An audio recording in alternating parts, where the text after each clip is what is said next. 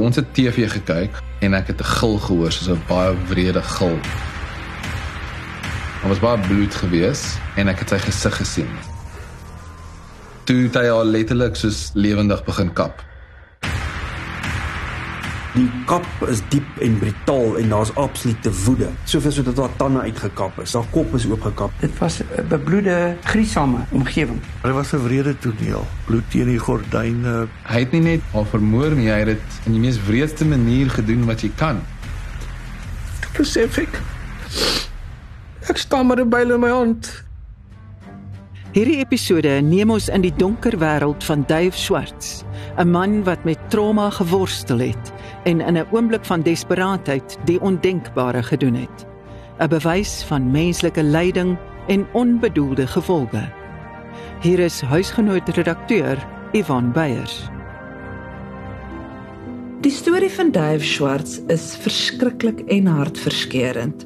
Hy het sy vrou destyds met 'n byl doodgekap maar daar is daarna bevind dat hy aan posttraumatiese stresstoring gely het en dat hy ernstig siek was toe hy die moord gepleeg het. Ek dink sy storie laat mens moeilike ingewikkelde vrae vra oor wat vryskelding en vergifnis verg, of dit enigstens moontlik is of dit soms geregverdig is. Maar daar is my iets aangrypend opgesluit in die woorde van 'n brief wat sy seun destyds vir hom geskryf het toe hy nog 'n klein seentjie was. Hy het daarin geskryf: Ek verlang na pappa, Hoekom het pappa vir mamma doodgemaak? Ek verlang baie na mamma. Pappa moenie huil nie. Ek is nog altyd baie lief vir pappa. My naam is Devon David Swats. Ek was in Londen gebore. Ek het uh, twee broers, Gerard en Andre, en dan het ek 'n jong sussie gehad en uh, sy is tragies oorlede op 18 jaar oud. Sy het selfmoord gepleeg. Sy het haarself geskiet. My naam is Christian Besuidnout, ek is 'n professor in kriminologie aan Universiteit van Pretoria en ek werk in die departement maatskaplike werk en kriminologie. Dit klink of daar van 'n jong ouderdom af redelik druk en probleme in sy kinderlewe was. Ja, dit was nie die maklikste nie. Ons ons het nooit 'n yskas gehad nie en uh wat sitkamer stel nie en dit was 'n groot storie toe ons 'n yskas gekry het. Beide sy ouers het verskriklik gedrink, baie swaar gekry, daar was baie probleme. My pa natuurlik, hy het baie gedrink En dit was moeilik. Was tye gewees wat ek hom agtervolg het op die fiets om te kyk waar hy is. En naderhand my ma ook begin drink nou. Sy het gedink wel as sy drink sal sy die ou man by die huis hou.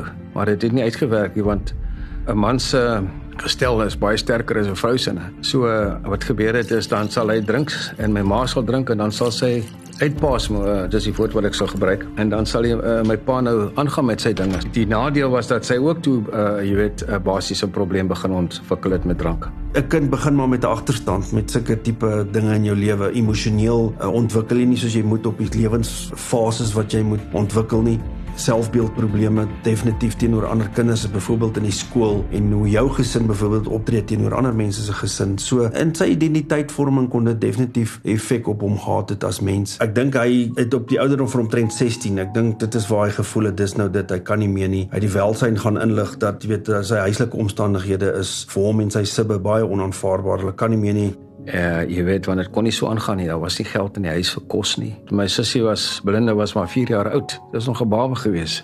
En ek dink dit was een van die aanleidende faktore wat gelei het, jy weet, tot haar selfmoord baie jare later.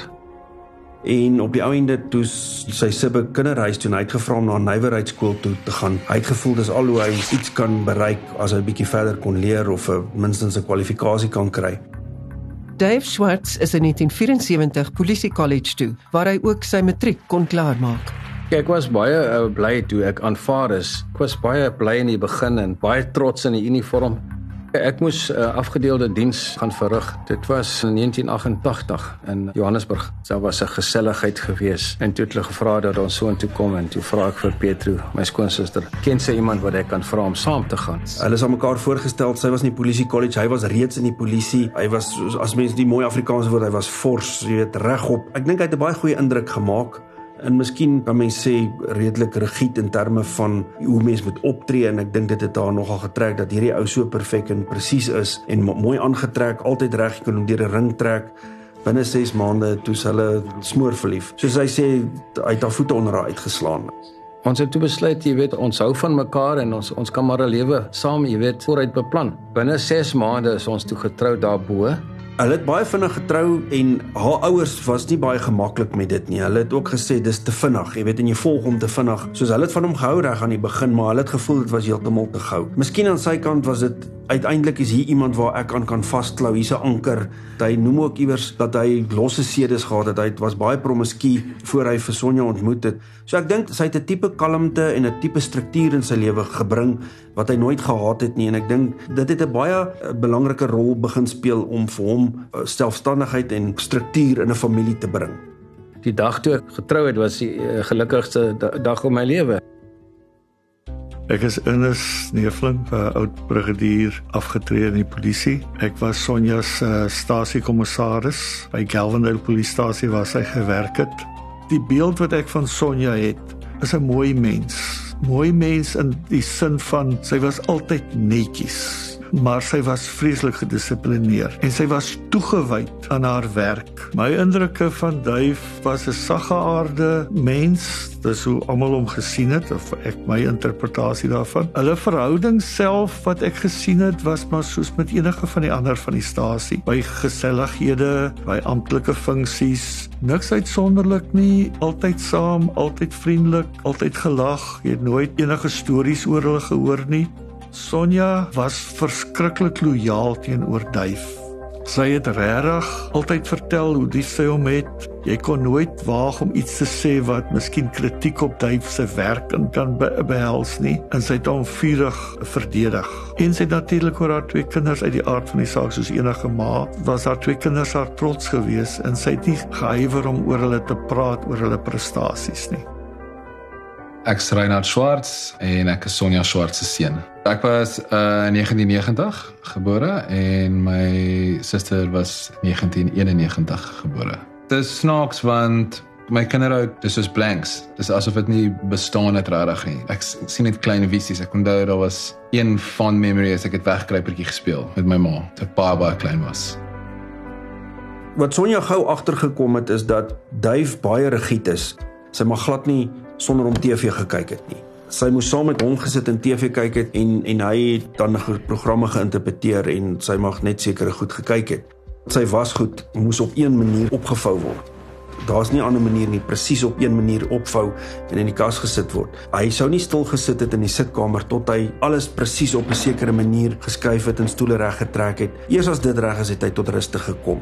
Ek dink hy kom uit 'n huis waar dinge nie mooi reg geloop het nie en hy was dit het hom obsessief gemaak en hy wou dinge presies laat gebeur het en hy het ook geglo die man is die hoof van die huis. Hy het dit streng geglo in terme seker van 'n godsdienstige tipe ding. Later met kinders byvoorbeeld om jou idee te gee, skoene uittrek as hulle in die huis inkom, as hulle enigstens iets verkeerd gedoen het, het hulle lyfstraf gekry. Het hulle ernstige lyfstraf met 'n beld gegee. Die beld se naam was moeilikheid. Ons was altyd seker gemaak het ons verskoon en ons kon nie mors nie en hy was baie baie baie streng geweest. Sy het begin voel sy beweeg weg. Hier's 'n breek want hier's nie hierdie sagtheid nie. Hier's nie ek verstaan hoekom dit so erg is nie en dat dinge presies moet gebeur nie. Om jou 'n voorbeeld te gee, op 'n stadium toe wil sy vir 'n offisierskursus gaan want sy het aspirasies gehad om 'n offisier te word en die kursus was in die Kaap en hy wou aanvanklik eers laat sy nie gaan en toe later het hy ingestem. Dit wys net hoe rigied en eng hy was in terme van dit. Sy mag glad nie uh, met ander mans gepraat het nie. Sy mag nie in die aand uitgegaan het as die groep klaar die dag hulle klasse gehad het nie. Sy moes hom elke aand 'n sekere tyd skakel en naweke moes sy huis toe kom om na die kinders te kom kyk. Hy het glad nie toegelaat dat sy meng met die groep terwyl hulle die opleiding doen nie. Dit gee jou idee dat hy absoluut beheer wou neem. Wat ek dink haar laat begin voel het ek is nie vry nie. Ek voel nie meer gemaklik nie. Inteendeel, sy het erge depressie gekry met haar tweede kind en sy is opgeneem, weet, in 'n instansie oor die depressie. Ek dink dit is 'n ding wat saamgeloop het met hierdie rigiede leefstyl wat sy in in ingedruk is. Die eerste keer dat ek nou met sielkundiges te doen gehad het was toe Sonja siek geword het. Toe moes ek haar bystaan en ek meen ek weet nie wat is depressie nie. Ek is 'n jong polisieman, ek het 'n gesin. En ek dink miskien haar depressie het ook 'n effek op hom want nie lank daarna nie het hy ook depressie begin toon. Ek het vir die eerste keer besluit om om sielkundige hulp te kry in 1997 in die eenheid waar hy was het hulle nou maar ook moord en doodslag gesien. Jy weet hierdie tipe goeters het 'n effek op mense. Jy weet om polisman te wees, hulle sê mos cowboys don't cry, né? Jy jy kom op baie tonele af wat wat baie moeilik is. Uh byvoorbeeld, was gestasioneer in in Lady Grey. Daar moes ek 'n vrou se lijk gaan haal. Sy het in die Kraaierivier blykbaar verdrink en ons moes afgaan en om dit te sien as jong polisman was baie moeilik want soos jy aan haar vat dan breek die liggaam uitmekaar en jy moes 'n makeshift stretcher maak om haar nou terug te vat na die uh, na die polisiestasie toe. En 'n ander geval was ook daar waar 'n ou eendag ingekom het en hy het 'n byl in sy kop gehad in sy kop hierdie kort kort byltjies in sy kop gehad. Natuurlik baie ongelukke waar die mense oorlede is. Daai tipe uh, uh jy weet voorbeelde jy jy kan hulle nie uit jou kop uit kry nie. En daar spesifieke eenhede wat ek dink meer die slegte kant van polisieering sien. Jy weet waar hulle lyke sien, waar hulle self moet doodmaak, skiet. En ek dink in daardie era weer eens die polisie het 'n sekere funksie gehad. Hulle moet seker maak dat dinge gebeur het. So ek dink in sy tydperk vir die staat is daar opgetree en ek dink die goed wat hy gesien het en die goed wat hy moes doen in die eenheid het vir hom absolute nagmerries veroorsaak en dit is waar posttraumatiese stres. En dan uh, ook baie hartseer en baie moeilik was om te verwerk was gevalle waar uh, destyds uh, hierdie politiek was baie moeilik en dan kom jy af op mense wat bande om hulle nekke plaas is. Hulle noem dit tire moorde, die netlessing. En en jy kan niks doen nie want baie keer het dit by begrafnisse gebeur en jy kan nie naby kom nie. Eers as die mense verdaag het en dan kom jy uit, dan is dit te laat, dan is hulle al dood. Jy kan dit nie uit jou verstand, jy weet, kry nie. Jy weet, dit is iets onbeskryfliks om te sien. Ja, ons moet onthou die jare wat hy polisieman was, was in die apartheidsjare en cowboys don't cry. Jy weet, polisie gaan nie vir terapie nie. Jy gaan vra nie vir hulp nie, want dan is daar so 'n halfe etiket om jou. Jy's 'n softie, jy weet jy jy's te saggaard, jy kan dit nie maak in die polisie nie. Dis deel van die subkultuur van die polisie in terme van Dave, hy het vir hulp gegaan en die sielkundige het toe vir hom gesê luister, ons dink jy moet medies ongeskik afgaan, maar hy het aspirasies gehad om generaal te word. Hy het intedeel 'n BA in polisiekunde klaar gemaak by universiteit. So hy wou baie graag generaal word. So nog 'n ding in sy kop is sneller wat sê, maar nou gaan ek nie eendag daarbo uitkom nie. Hy wou regtig daarbo uitkom. En ek dink as Dave miskien na daai sielkundige geluister en nie gesê ja, maar ek wil generaal word en ek het aspirasies as hy na daai sielkundige luister en gesê luister, kom ons vat my medies af, sou dit miskien heeltemal 'n ander saak gewees het. Met sy depressie en en stres en posttraumatiese stres wat hy op daai stadium ervaar het, dink ek hy kon nog al 'n moeilike ou in die huis gewees het. Een aand het ek en Sonja een of ander program gekyk. Ons het 'n glas wyn elk gedrink ek het volgende môre wakker geword. Toe kon ek nie onthou uh jy weet waaroor die fliek gegaan het nie. Dit was vir my baie vreemd. Ek meen ek het, ek het nie die einde gesien nie. Ek ek dit was asof ek gekyk het en en die volgende môre toe ek wakker word, toe kon ek nie onthou nie. En uh dit het my begin verdag maak. Daar's iets aan die gang want ek was toe seker dat ek verdoof uh, iets 'n uh, middel ingekry is om my te verdoof. Hy het toe later in 'n handsak pille gekry en hy glo sy pille vir hom gegee dat hy aan die slaap raak ek toe besef eh, ek moet nou die ding begin ondersoek en toe ek telefoonrekords gaan trek by die poskantoor om te probeer bepaal wat gaan aan en toe seker reg kan onthou uh, was daar oproepe gemaak gewees uh, wat inkom ingekom het en uitgegaan het. En ek meen as as die foon gelei het moes ek wakker geword het. So ek moes verdoof gewees het. En toe ek besef daar's iets aan die gang hierso. En uh natuurlik nog verder rekords getrek uh waar ek agtergekom het sy uh jy weet sy het baie vir die spesifieke persoon ook gebel. Toe hy haar konfronteer oor dit, sê hy sy het net gebel om hom te sê sy wil niks, sy wil nie, hulle kan nie meer vriende wees nie, hulle moet nie meer praat nie. En ek dink al hierdie goeters was net te veel vir hom.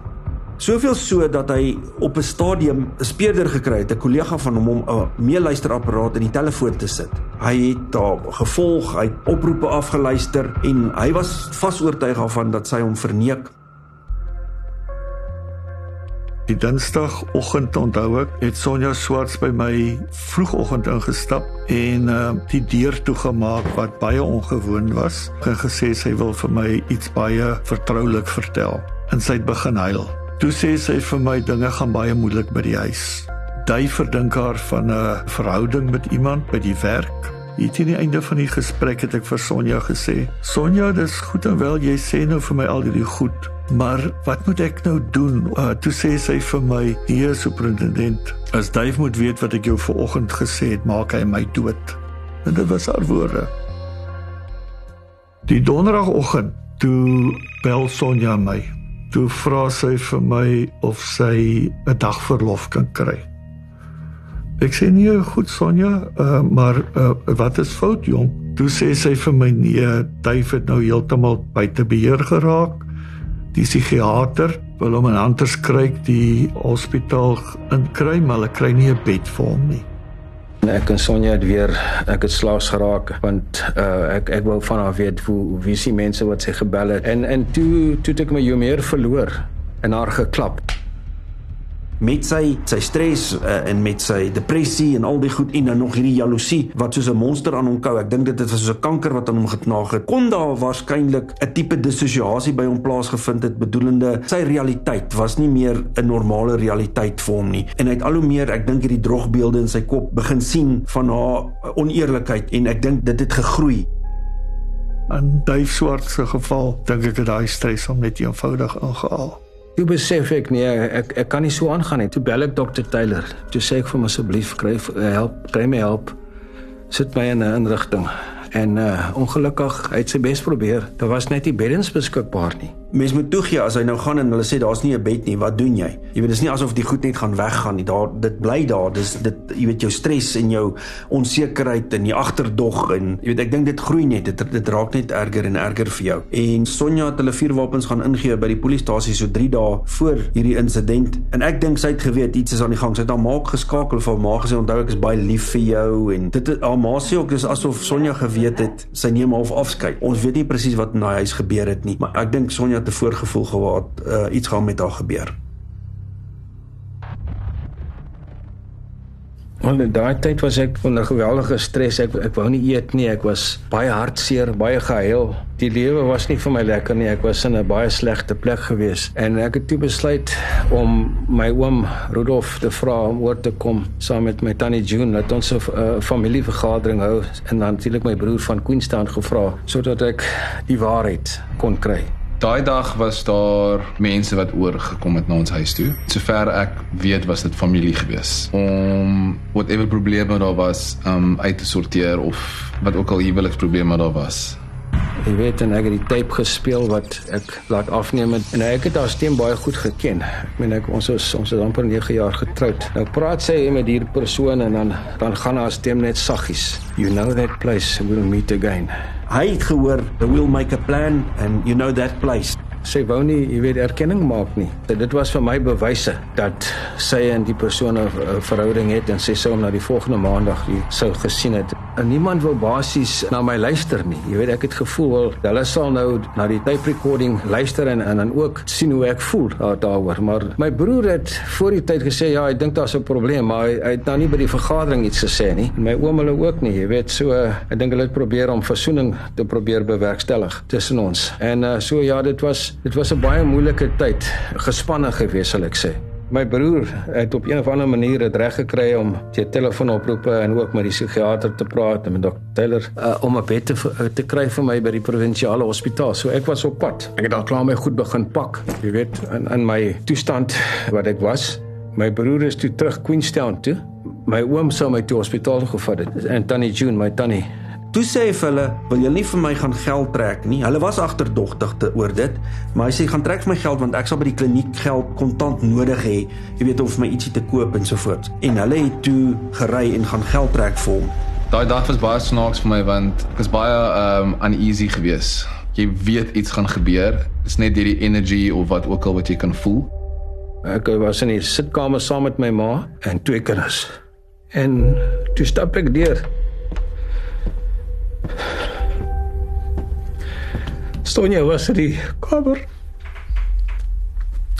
Sy was in die kamer, sy het op die bed gesit.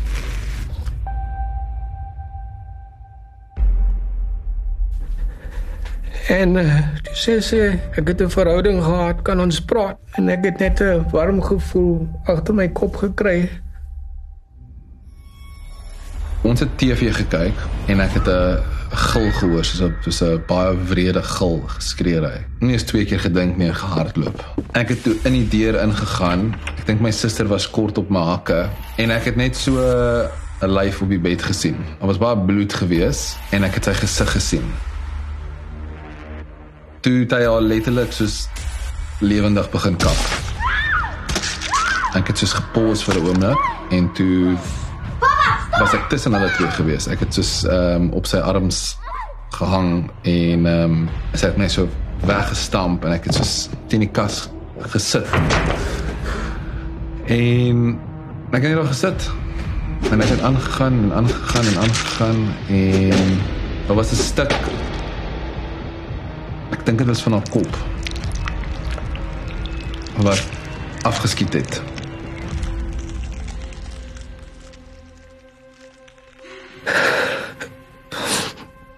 En uh toe ek volgende oomblik toe voel ek iets trek op my bene. Toe besef ek ek staan met 'n byl in my hand.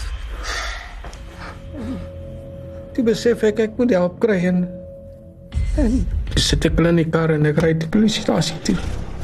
Nou, hy is polisiestasie toe en hy het homself gaan oorgee by die polisiestasie.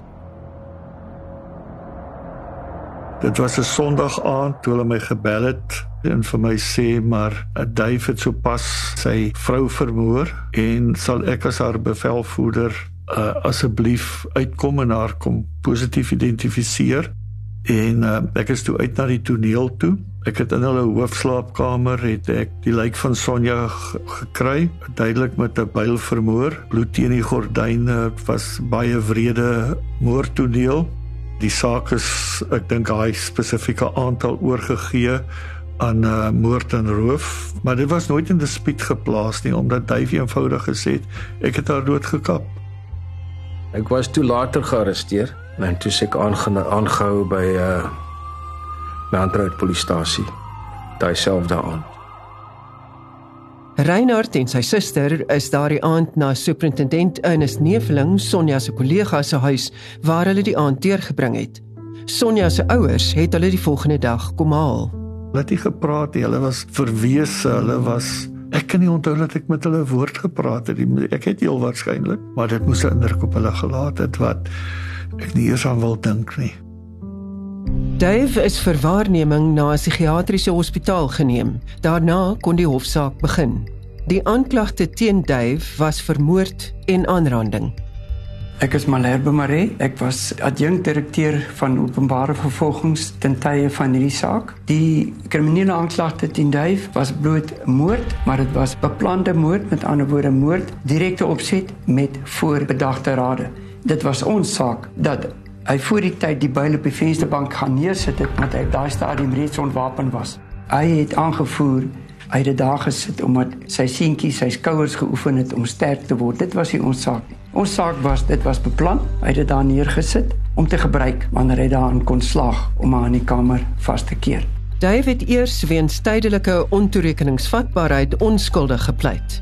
In sy pleit het hy gesê hy het 'n oomblik van waansin gehad. Hy kon nie onderskei tussen reg en verkeerd nie. Hy weet nie wat het gebeur nie. As daai verweer gehandhaaf word, kom hy absoluut vry. Hy kan nie skuldig bevind word nie aan enige mindere misdaad nie en hy kan nie as 'n staatspasiënt verklaar word weens sy geestestoestand nie. Hy kom absoluut vry want dit is 'n tydelike toestand. So dit is 'n interessante verweer want dit is 'n alles of niks verweer. As jy slaag, loop jy vry uit. As jy nie slaag nie, gaan jy tronk toe. Dit was so so moeilik vir my om te aanvaar wat ek gedoen het. En wat dit baie moeiliker gemaak was is uh, jy weet die situasie te probeer verstaan dat jy nou rasioneel is en dat jy nou na die irrasionele sone en dan weer terug. Jy weet vir 'n leek soos ek om dit te verstaan was baie moeilik. Om daai verweer te slaag, moet jy bewys dat daar iets is, ons noem dit 'n trigger, wat hom laat optree op 'n bepaalde manier vir 'n periode waarin hy totaal nie in kontak was met die werklikheid nie of en sy selfbeheersing kwytgeraak het. Hy het voorgegee die trigger was toe sy erken het van die verhouding. Mense wat dissosiasie begin ervaar, het 'n verwronge idee van die werklikheid en wat die realiteit nou is. En ek dink dit is nogal waar ou moet begin dink, wat was sy geestestoestand presies op daardie oomblik? Hy was af met siekverlof, juis oor die stres. Al wat hy kon onthou toe hulle gery het sy oom en tannie, het hy teruggestap kamer toe. En hy het vir Sonja op die bed gekry. En Sonja het saggies gehuil. En Sonja het hom gesê, "Ek het 'n verhouding." En hy sê dis die laaste wat hy kan onthou. Die volgende wat hy onthou is toe sy seun aan hom hang en hy weet nie wat het gebeur nie. Kon dit wees dat sy gesê het ek het 'n verhouding, ek wil met jou praat en dan gaan jy hulle los en dat hy woede en daai skok op daai stadium hom laat optree soos hy optree kan wees. Dave se skoonsister, Deidre Schwartz, het getuig Dave het haar kort na die moord gekontak en erken dat hy Sonja met 'n byl om die lewe gebring het. Hy het haar eers met 'n mes gesteek voor hy haar met die byl aangeval het. Hy het ook aan haar erken hy het geweet dit was verkeerd, maar hy sou die gevolge dra. Hy het gevra as hy moet onthou wat hy gedoen het was uit liefde. Nou is my baie interessant dat hy gesê het ek het dit uit liefde gedoen. Ek het haar kop afgekap. Nou haar kop was nie heeltemal afgekap nie, maar baie naby. Ek meen want daar was verskillende kapmerke. Die kap kap is diep en brutaal en daar's absolute woede. Soveel so dat haar tande uitgekap is. Jy weet haar kop is oopgekap, diep wonde. Die getuienis van die griesaamheid van die moord was aangrypend. Ek onthou dat die patoloog wat die lijkskouing gedoen het, dat sy het haar vasgedraai, toegedraai in die gordyne om die houe te probeer afweer. 'n Stukkies van daai materiaal was ingedrewe in die wonde en dit was 'n dit was 'n bebloede, griesame omgewing. So dit het gedui op iemand wat of totaal sy selfbeheersing kwyt geraak het en homself nie kon keer nie of iemand wat verskriklik kwaad was die volgehoue aanhoudende geweld te midde van die vrou wat gegil het en die kinders het tussenin geskree en so. Die feit dat hy sy suster gebel het en vir haar ook gesê het ek het verkeerd gedoen. Sê vir my nogal Miskien het hy beheer oor sy situasie gehad in daai opsig. Is daar 'n klomp versagtende omstandighede? Waarskynlik, sy kinderjare, die goed wat met hom gebeur het, die feit dat hy op siekverlof is. So mense kan 'n klomp faktore noem wat bygedra het tot waar hy getrek het en die feit dat sy moontlik dan vir hom gesê het ek het 'n verhouding. En dan gaan jy miskien los of kom ons praat daaroor. Was die absolute finale sneller wat hy gesê het, kan nie meer nie. Dis dit. David hierna sy pleit na skuldig verander. Hy het wel volgehou hy kan weens sy posttraumatiese stresversteuring nie toerekeningsvatbaar gehou word nie.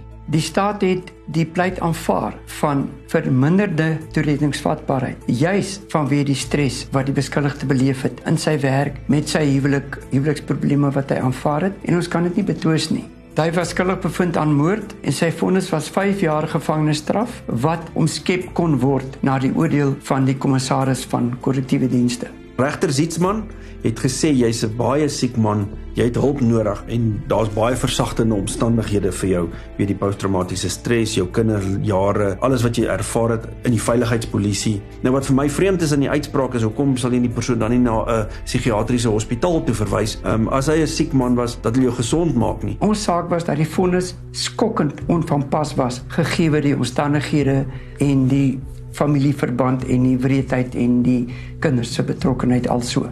Dit was baie moeilik om dit aanvaar want ek het geweet hulle hulle hulle wil my nou tronk toe stuur vir 15 jaar. En ek het baie daaroor gebid. Ek het sterk gestaan in die in die geloof. Destyds was Bloemfontein die hoogste hof van appel op vonnisse. Daar was drie regters wat besluit het dat die voorregter se optrede was gepas. En uh die uiteinde van die saak was 29 November. Toe kry ek die goeie nuus dat ons gewen het en dat die staat die appel verloor en dat my vonnis dieselfde bly. Ek het net die Here gedank. Na 10 maande is hy deur die kommissaris van korrektiewe dienste vrygelaat om die res van sy vonnis onder korrektiewe toesig deur te bring. Mense gaan tronk toe vir langer as net vir aanranding. Hy het nie net al vermoor nie, hy het dit in die mees wreedste manier gedoen wat jy kan. David in 2005 by Elria, sy nuwe liefde en die ma van 4 kinders, ingetrek. Ek moes oop kaarte speel en vir haar vertel en sê my en vader, jy weet toe ek al sê wat het gebeur.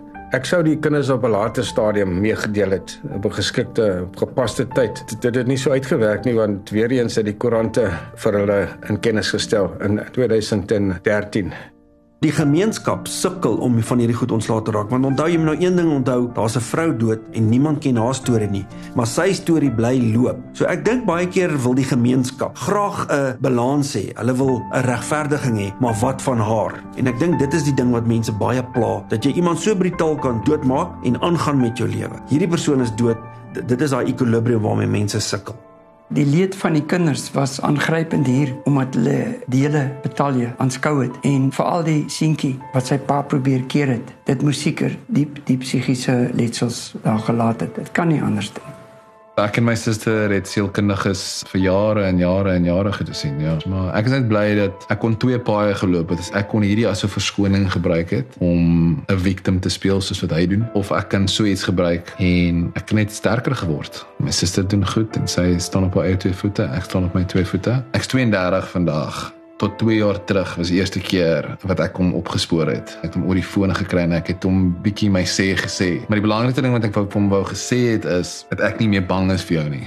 Al wat ek wou gehad het, is 'n verhouding, jy weet om net beter te leer ken, jy weet. Ongelukkig kan ek nie 'n verhouding met die ou hier nie. Ek en my suster weet nie regtig hoe dit voel om normaal groot te word nie. As ek nou maar dink aan Duif, dink ek is hy een mens wat sal sê, as ek net die tyd kon teruggedraai het, want hy het sy hele lewe en Sonja se lewe en sy kinders se lewe verwoes in daai oomblik van woede of jaloesie toe hy dit verloor het. Ek wil eerstens vir vir almal wat seer gekry het deur my dade sê ek is baie jammer. Ek weet julle gaan sê ja, om jammer te sê teken niks nie, maar ek is regtig jammer. Ek wens Sonja het geleef vandag. Almal wat seer gekry het in die proses, ek wil sê, uit die diepte van my hart, ek is jammer. Probeer my vergewe as jy kan. Daar's geen verskoning daarvoor nie. Sy het 'n baie groot hart gehad en die mense het haar gelief. Sy het net lig gebring. In die hartverskeurende slot van hierdie episode wonder ons of spyt genoeg is. Dave Swart se onbedoelde daad het 'n kettingreaksie van lyding ontketen. Sy kinders se verlore jeug, sy vrou se verlore lewe en sy eie leed bring ons tot die vraag: kan berou die skade herstel? Ek is Rudolf Landman en dit was huisgenoot se ware lewensdramas.